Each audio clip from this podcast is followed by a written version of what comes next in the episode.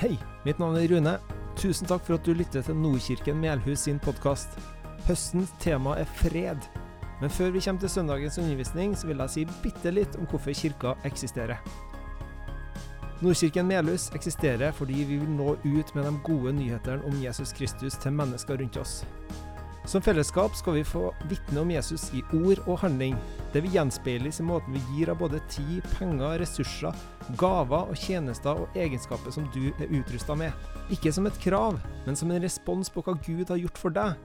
Det som er viktigst for oss, vil komme til uttrykk i livene våre. Så skal du i kirka samtidig få lov til å erfare at Gud er levende, og ønsker en relasjon med deg som varer gjennom alle livets faser og perioder. Vi er ei kirke i vekst, og helt konkret så vil vi gjerne styrke vårt arbeid mot barn og unge og misjonsprosjekt i Senegal. Og derfor vil jeg utfordre deg til å være med å be. Ikke én gang, men kontinuerlig. Vær med å gi gjennom fast givertjeneste. Vær med å bruke de gavene du har fått, til en velsignelse for andre. Se nordkirkenmelhus.no for mer informasjon om hvordan du kan engasjere deg. Lykke til! Der står det 'frykt ikke, være ikke redd'. Det blir en slags eh, rød tråd, tror jeg, gjennom det jeg skal si. Hvis jeg ikke finner på noe helt annet underveis, og det tror jeg ikke jeg gjør. Frykt ikke, vet du hva? Det står det forferdelig mange ganger i Bibelen. I gamle dager så ble det sagt på talerstolen at det står 365 dager, ganger i Bibelen. Dvs. Si én gang for hver dag. Det har jeg ikke tatt meg tid til å sjekke ut. Det kan godt hende. I en eller annen variant, iallfall. Frykt ikke, vær ikke redd, la dere ikke skremme, vær ikke bekymra. Et eller annet sånt som dere. Og hvorfor i verdens min står det så mange ganger? Ja, Det vet jeg ikke om jeg helt får svar på i løpet av denne talen. her. Men det står iallfall mange ganger. Egentlig så tar jeg det som et uttrykk for at Gud han er sånn som Sigrid sa i starten. Han kjenner hver enkelt av oss. Og det vil si at han vet at i oss så er det en frykt eller en angst eller en uro, en bekymring, i større eller mindre grad nesten hele tida. Så når han sier 'frykt ikke' til oss, ja, da er det fordi han gir oss noe annet. Men det er fordi han kjenner oss. Han vet at det er en frykt der. Han anerkjenner det, og da kan vi jo anerkjenne det sjøl òg. Det er ikke noe vi trenger å skjemmes av. Jeg har hatt mine kamper med det. Og det har sikkert andre hatt òg. Men Gud ser oss akkurat sånn som vi er. Og så sier han likevel frykt ikke, vær ikke redd. Så er hovedtemaet for det høsten her, det er fred. Og så har jeg lyst til å bare gi honnør til jeg vet ikke om det er styret som har bestemt, eller pastor, eller i samarbeid, kanskje, for all del. Det er ganske tøft egentlig, å sette opp ett ord og tenke at det skal være tema for en hel høst. Og vi kommer jo til å se litt det samme. Vi har gjort det noen gang. Men vet du hva? Jeg tror det er kjempebra. For fred det er jo ikke først og fremst noe vi skal ha kunnskap om, eller ha hørt om, eller ha hørt fine taler om, eller snakke med hverandre om. Ja, kanskje det. Men det er først og fremst noe vi skal få lov å erfare. Det er noe som skal få lov å være en del av livet vårt. Og da må vi gjenta det opp til flere ganger og jobbe med det og la det søkke innover oss, tror jeg. Så honnør til dere som har kommet på dere der. Det var lurt. Nå har jeg fått en sånn avansert greie her. Skjedde det noe der? Jo, det gjorde det, ja. Det gjorde ikke noe på det her, nei. De var jo sånn. Um, og frykt ikke og fred det, det, er faktisk litt ulike sider ved samme sak. Det verset her tror jeg vi har delt flere ganger. Fred etterlater jeg dere, min fred gir jeg dere, ikke den fred som verden gir. Og så fortsetter han å si La ikke hjertet bli grepet av angst og motløshet. Altså, Den freden som Gud gir, den kommer til erstatning kan du si, for den angst og uro som vi ofte kjenner på. Så Derfor så er faktisk, tror jeg, da, det jeg kommer til å si nå etter hvert, òg en del Eh, som vi kan se er innenfor temaet fred. Frykt ikke 365 ganger. Dette kan ta, ta tid, hører dere, hvis vi skal gå gjennom alle. Vi skal ikke gjøre det, da. Men hva er nå det her frykten, angsten, uroen, bekymringa? Hvor kommer det fra? Er det nytt for vår tid? Vi snakker mye mer om det nå, har jeg inntrykk av, enn vi gjorde før. Men eh, er det nytt nå, eller? Og hvorfor lar vi oss skremme noen gang av ting som skjer? Ja, Her tror jeg heller ikke har svarene. Men det er enkelt å stille spørsmål. Men det er iallfall mange grunner til frykt rundt oss. Eh, mange av oss liker dårlig sånn usikkerhet generelt. Så der, ja. Jeg må huske på den her òg. Ja, ikke så farlig. Det er mange grunner til usikkerhet, kan det være. Men eh, det i seg sjøl kan være et sånn uromoment i, i, kroppen vår. Så kan vi være bekymra for helsa vår, for sykdommer og plager. Eh, det kan vi være i og for seg gjennom hele livet. Eh, og som ofte ikke mindre når begynner å komme opp i min alder. Men det kan, det kan plage oss i og for seg hele livet. I siste tida så har vi hørt fryktelig mye om krig. Og om naturkatastrofer og i og for seg. Og ikke bare at vi hører om det, men vi får det inn i stua, og vi får det inn i stua hver bidige dag. Og så, så Hvis vi som pensjonister blir sittende og følge med nyheter gjennom hele dagen, så blir det jo forferdelig trøkk. Det er jo helt grusomt å være pensjonist og sitte og høre på alt det der. Vi må jo finne av-knappen, rett og slett. For det blir for mye. Vi får det rett inn i stua. Det samme gjaldt jo denne pandemien. Det høres ikke fullt så mye om den nå lenger, og det er godt, har jeg kjent. Men vi har hørt til tider veldig mye om den òg. Nå, nå tror jeg folk, denne bekymringen er dreid over på pengeboka. Dyrtid, ikke sant? Alt er dyrt. Og det er ikke måte på heller hvor dyrt det blir en del. Og det er jo ikke utømmelig i det pengeboka, så det gjør oss jo lett bekymra. Og kanskje til og med skaper det en angst i oss, en frykt, en uro.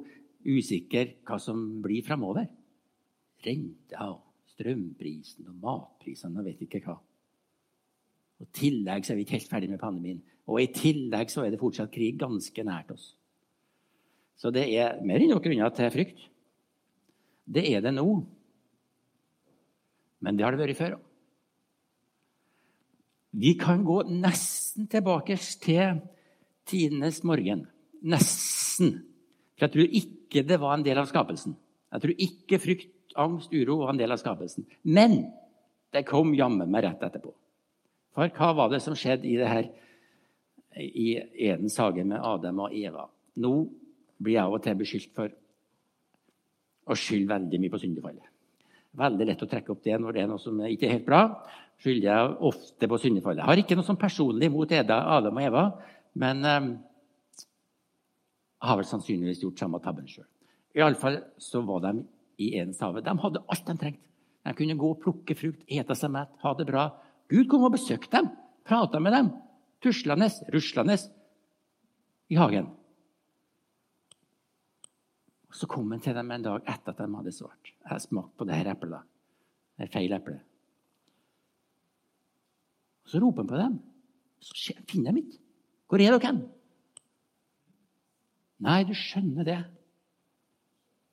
Ja, jeg må lese på bokmål, da. Jeg hørte lyden av deg i hagen og ble redd fordi jeg er naken, og jeg gjemte meg. Hvordan vet du at du er naken? svarte Gud. Har du spist av frukten? Ja, han hadde gjort det. Han var redd. Der er angsten allerede. Det er ikke noe nytt. Det har vært en del av oss menneskene helt siden Eva og Adam.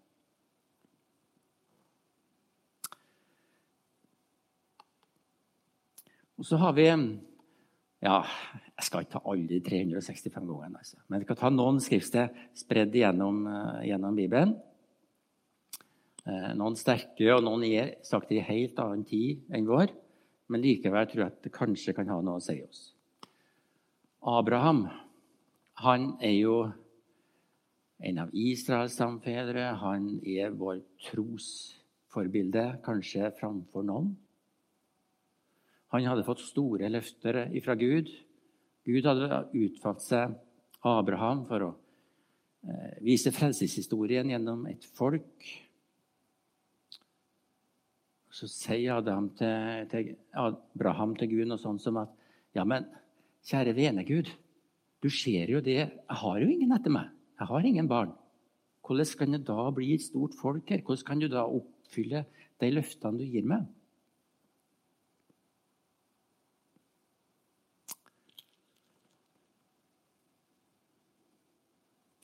Vær ikke redd, Abraham. Jeg er ditt skjold. Lønnen din skal bli stor. Se Gud til Abraham. Hundreåringen. Sara var 90. Og så fikk de Isak. Og så kom det et, et folk i etterkant som Gud brukte i mange rare kamper. Men det Gud forklarte sitt frelsesverk for og gjennom Vær ikke redd, Abraham. Hvorfor skal du ikke være redd? Det er jeg som er skjoldet ditt. Jeg har en plan. Ta med ro. Din lønn skal bli stor. Hvis jeg tar et hopp til Nå slo jeg på aldeles feil knapp her. Og ikke der engang. Der. Den skrifta der tror jeg ikke dere ser. Gjør dere det? Det er Moses, da. Det var en Når Moses førte folket, israelsfolket ut av Egypt Det var en voldsomt dramatisk historie. En helt enorm historie. Nesten så vi kan spørre, spørre oss var det virkelig nødvendig å gjøre det så svært. da? Hvor mange landeplager var det han sendte over Egypt? Sju, var ikke det? Svære landeplager. Dramatiske hendelser. Og Moses, som representant for slavefolket, israelsfolket som slavefolk, gikk til selveste faraoen og forhandla fram en utreise. Fram og tilbake. Og til slutt så bryter han opp, og så drar de. Så jeg tar vi tar oss tid til å lese den teksten her. Da farao nærmet seg, da er farao på vei etter dem. ikke sant? Så israelittene opp og fikk øye på egypterne som kom etter dem. De ble grepet av stor frykt og ropte til Herren. De sa til Moses, fantes det ikke graver nok i Egypt, siden du har ført oss ut i ørkenen for å dø? Hvorfor har du gjort dette mot oss? Hvorfor førte du oss ut av Egypt? Var det ikke det vi sa til deg i Egypt? La oss være i fred. Vi vil arbeide for egypterne. Det er bedre for oss å arbeide for dem enn å dø i ørkenen. Da sa Moses til folket, vær ikke redd. Stå fast, så skal dere få se at Herren frelser dere i dag. For slik som dere ser egypterne i dag, skal dere aldri se dem mer. Herren skal stride for dere, og dere skal være stille. Herren sa til Moses, Hvorfor roper du til meg? Si til israelittene at de skal dra videre. Du skal løfte staven din og rekke hånden ut over havet og kløyve det, så israelittene kan gå tørsko tvers gjennom havet. Vær ikke redd, sa Moses. Totalt malplassert. Totalt. De var jo livredde. Hva var det som sto framfor dem? Jo, det var havet. Sivsjøen, eller Rødehavet, så vidt jeg har skjønt at det var. Og hva var det som var bak dem? Jo, det var farao med hele sin hær. Det er klart de var livredde. Var hun ikke redd, sier Moses. Hvordan kunne han si det? Moses har lært Gud å kjenne. Moses visste, Han visste ikke hva som skulle skje, men han visste at Gud hadde en plan. Han visste at Gud Hva var det sto? Herren skal stride for dere, og dere skal være stille. Det er lett å se, da. Jeg hører nesten lyden. Jeg vet ikke om de har brukt hester eller kameler eller kom riende på. jeg vet jeg ikke. Det er sikkert noen kjerrer med masse våpen og greier. Så sikkert bare støvrokket langt unna. ikke sant? Så nærmer seg og nærmer seg og nærmer seg. Og foran, hva var der? Jo, det var havet. Var du ikke redd, sier Moses. Ja, sterkt. Og hva skjedde? Havet åpna seg. Og så gikk de tørrskodd over. Hæren kjørte etter og ble slukt av vannet. Det er en veldig sånn dramatisk historie. da. Det er, ikke, det, det er, ikke, det som kommer til å skje i morgen med oss. Hvis vi prøver å krysse Trondheimsfjorden, så, så er det ikke det som skjer. Men det skjedde her, Hvorfor? Jo, fordi Gud hadde en plan.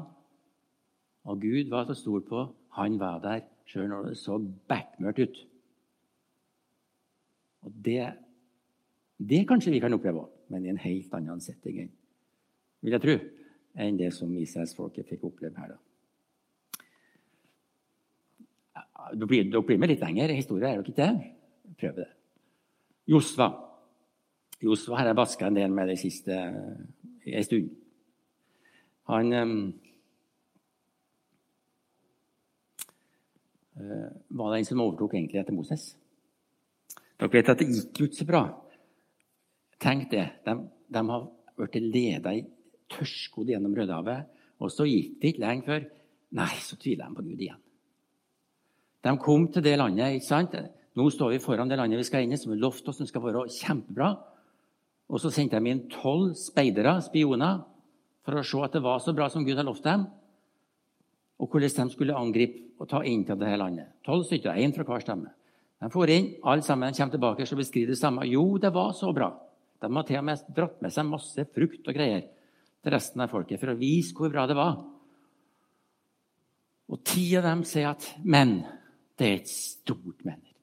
Det er jo folk der fra før. Det er jo folk der. Og vi har ikke sjans. Det er ikke bare folk. Det er faktisk, De er så svære at de er å regne som kjemper. Hvis vi går, vi kommer til å bli trødd ned. Vi har ikke sjans. Ti av de tolv. Og Så er det to, da, Josva den ene og Caleb den andre, som sier noe annet. Og Josva sier om han har sin glede av oss, fører Herren oss inn i dette landet og gir det til oss, et land som flyter av melk og honning. Gjør bare ikke opprør mot Herren. Dere skal ikke være redde for folket i landet. De er bare en brødbit for oss. Deres skygge har vendt seg bort fra dem, men Herren er med oss. Vær ikke redd for dem. De er bare en brødbit piece of cake. ikke sant? Det må være der uttrykket kommer fra. Kan ikke forstå ennå. Her kjemper de der. Piece of cake. Vi bare går rett inn. De har ikke sjans. Ikke fordi vi er så sterke, men for Gud er det. Det er Gud som er sterk. Det er Gud som fortsatt skal stri. Men så var Israels folk i overkant demokratisk, så de hørte på de ti. Og Det skulle de fange på i 40 år. Gud sa til dem at ok, vil dere ha det sånn, så får dere det sånn. Ingen av dere skal få være med og inn til landet, bortsett fra Josef og Kaleb. Og sånn gikk det. De gikk og tusla i sanda og sparka i grusen i 40 år før tida var moden, og så kunne de innta kunne de gå inn i det landet som var, var lovt dem. Men vær ikke redd, sa Josva. Hvorfor? Herren er med oss.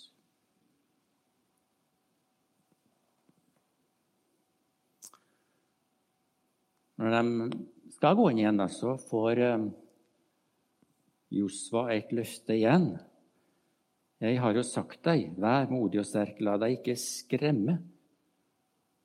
Og mist ikke motet, for Herren din Gud er med deg overalt hvor du går. Igjen så fikk Josfa stadfesta det. Nei da, du trenger ikke å la deg skremme. Og når vi leser historien videre, som er en forferdelig krigshistorie Det er dramatisk å lese om. Dere må nesten sørge for å ha noe nattmed dere jeg skal lese dere her. og Ta det inn over dere, den forferdeligheten som skjer. For det er helt forferdelig.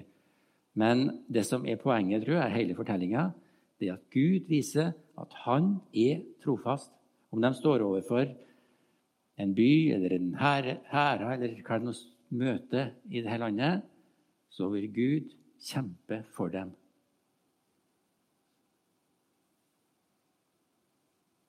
Være ikke redd, Josua. Jeg har jo sagt deg det før. Jeg, Herren din Gud, er med deg overalt der du går. Og Josua han stola på det. Det var ikke alle israelsfolket som gjorde det så veldig lenge, så det ble noen ekstra runder der òg. Men de gikk inn i landet, og Herren han sto ved sine løfter. Ja. Nå har jeg kommet bare til Josva. Det er langt igjen til åpenbaringen. men, men, vi skal ikke ta riktig alt. Jeg tar ett vers til fra Det gamle testamentet. Som òg er et vers som vi deler med hverandre av og til, tror jeg. Jesaja 41. Frykt ikke, for jeg er med deg. Vær ikke redd, for jeg er din Gud. Jeg gjør deg sterk og holder deg oppe med min rettferds høyre hånd. Frykt ikke, vær ikke redd. Hvorfor? For jeg er med deg. Jeg er din Gud. Hvis vi skal kjempe mot frykten i vår egen, altså ved å finne krefter i oss sjøl, så er det sånn at de fleste av oss bommer. Um, det holder iallfall ikke bestandig. Men det som står her, det holder. Uansett hva som måtte møte oss. Uansett hva som måtte møte oss. Nå har jo ikke jeg opplevd alt da, i denne verden, så jeg bør være kanskje forsiktig med hva jeg sier. Men iallfall så langt i mitt liv så har det stemt. Og jeg har baska med mitt, jeg òg. Og jeg er det fortsatt. Kona mi sitter jo her, så jeg kan ikke si annet. Hun vet det. Sånn er det. Men Gud sier, 'Frykt ikke, vær ikke redd, jeg er med deg'. Og Da er jeg ikke med på en sånn måte at det er imot alle andre. Det er jo ikke det. Men han er med meg i det som er min kamp, og i min hverdag og i mitt liv. Han er med. Jeg trenger ikke å være redd. Så gjør vi et brukbart sprang, da. Det er jo snart, det er snart jul, ikke det? Jeg, vel, jeg, kan ikke si at jeg har vært ute og kjøpt den ene julegaven ennå. Men jeg må jo det etter hvert. Eh, men jeg har skjønt at det er folk som begynner å forberede seg. Det er sikkert bra. Maria.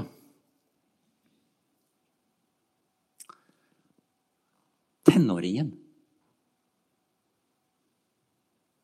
Hun var trolova, var ikke gift ennå. Får beskjed om at du skal få en unge. Du skal føde deg Guds sønn.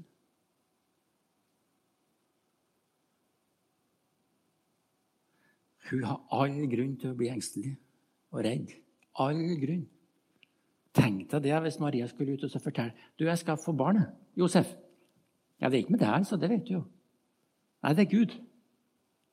Hæ-hæ. Ikke sant?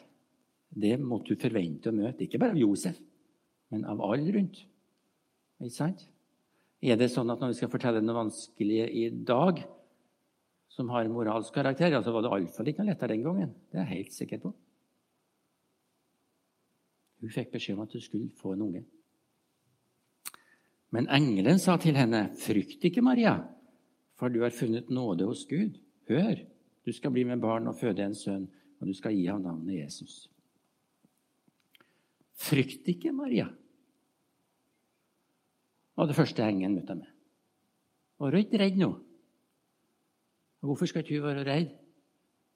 Ja, fordi at ingen som kommer til å kritisere, eller alle kommer bare til å være snill med henne? Nei, fordi du har funnet nåde hos Gud. Det var noe. Det var det som betyr noe. Det var det som betydde noe for Maria, og det er jo det som betyr noe for oss òg. Vi har funnet nåde hos Gud.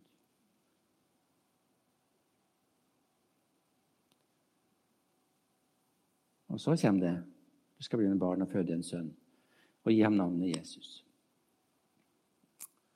Eh, hvordan hun Maria opplevde det her etterpå, det vet jeg ikke så mye om.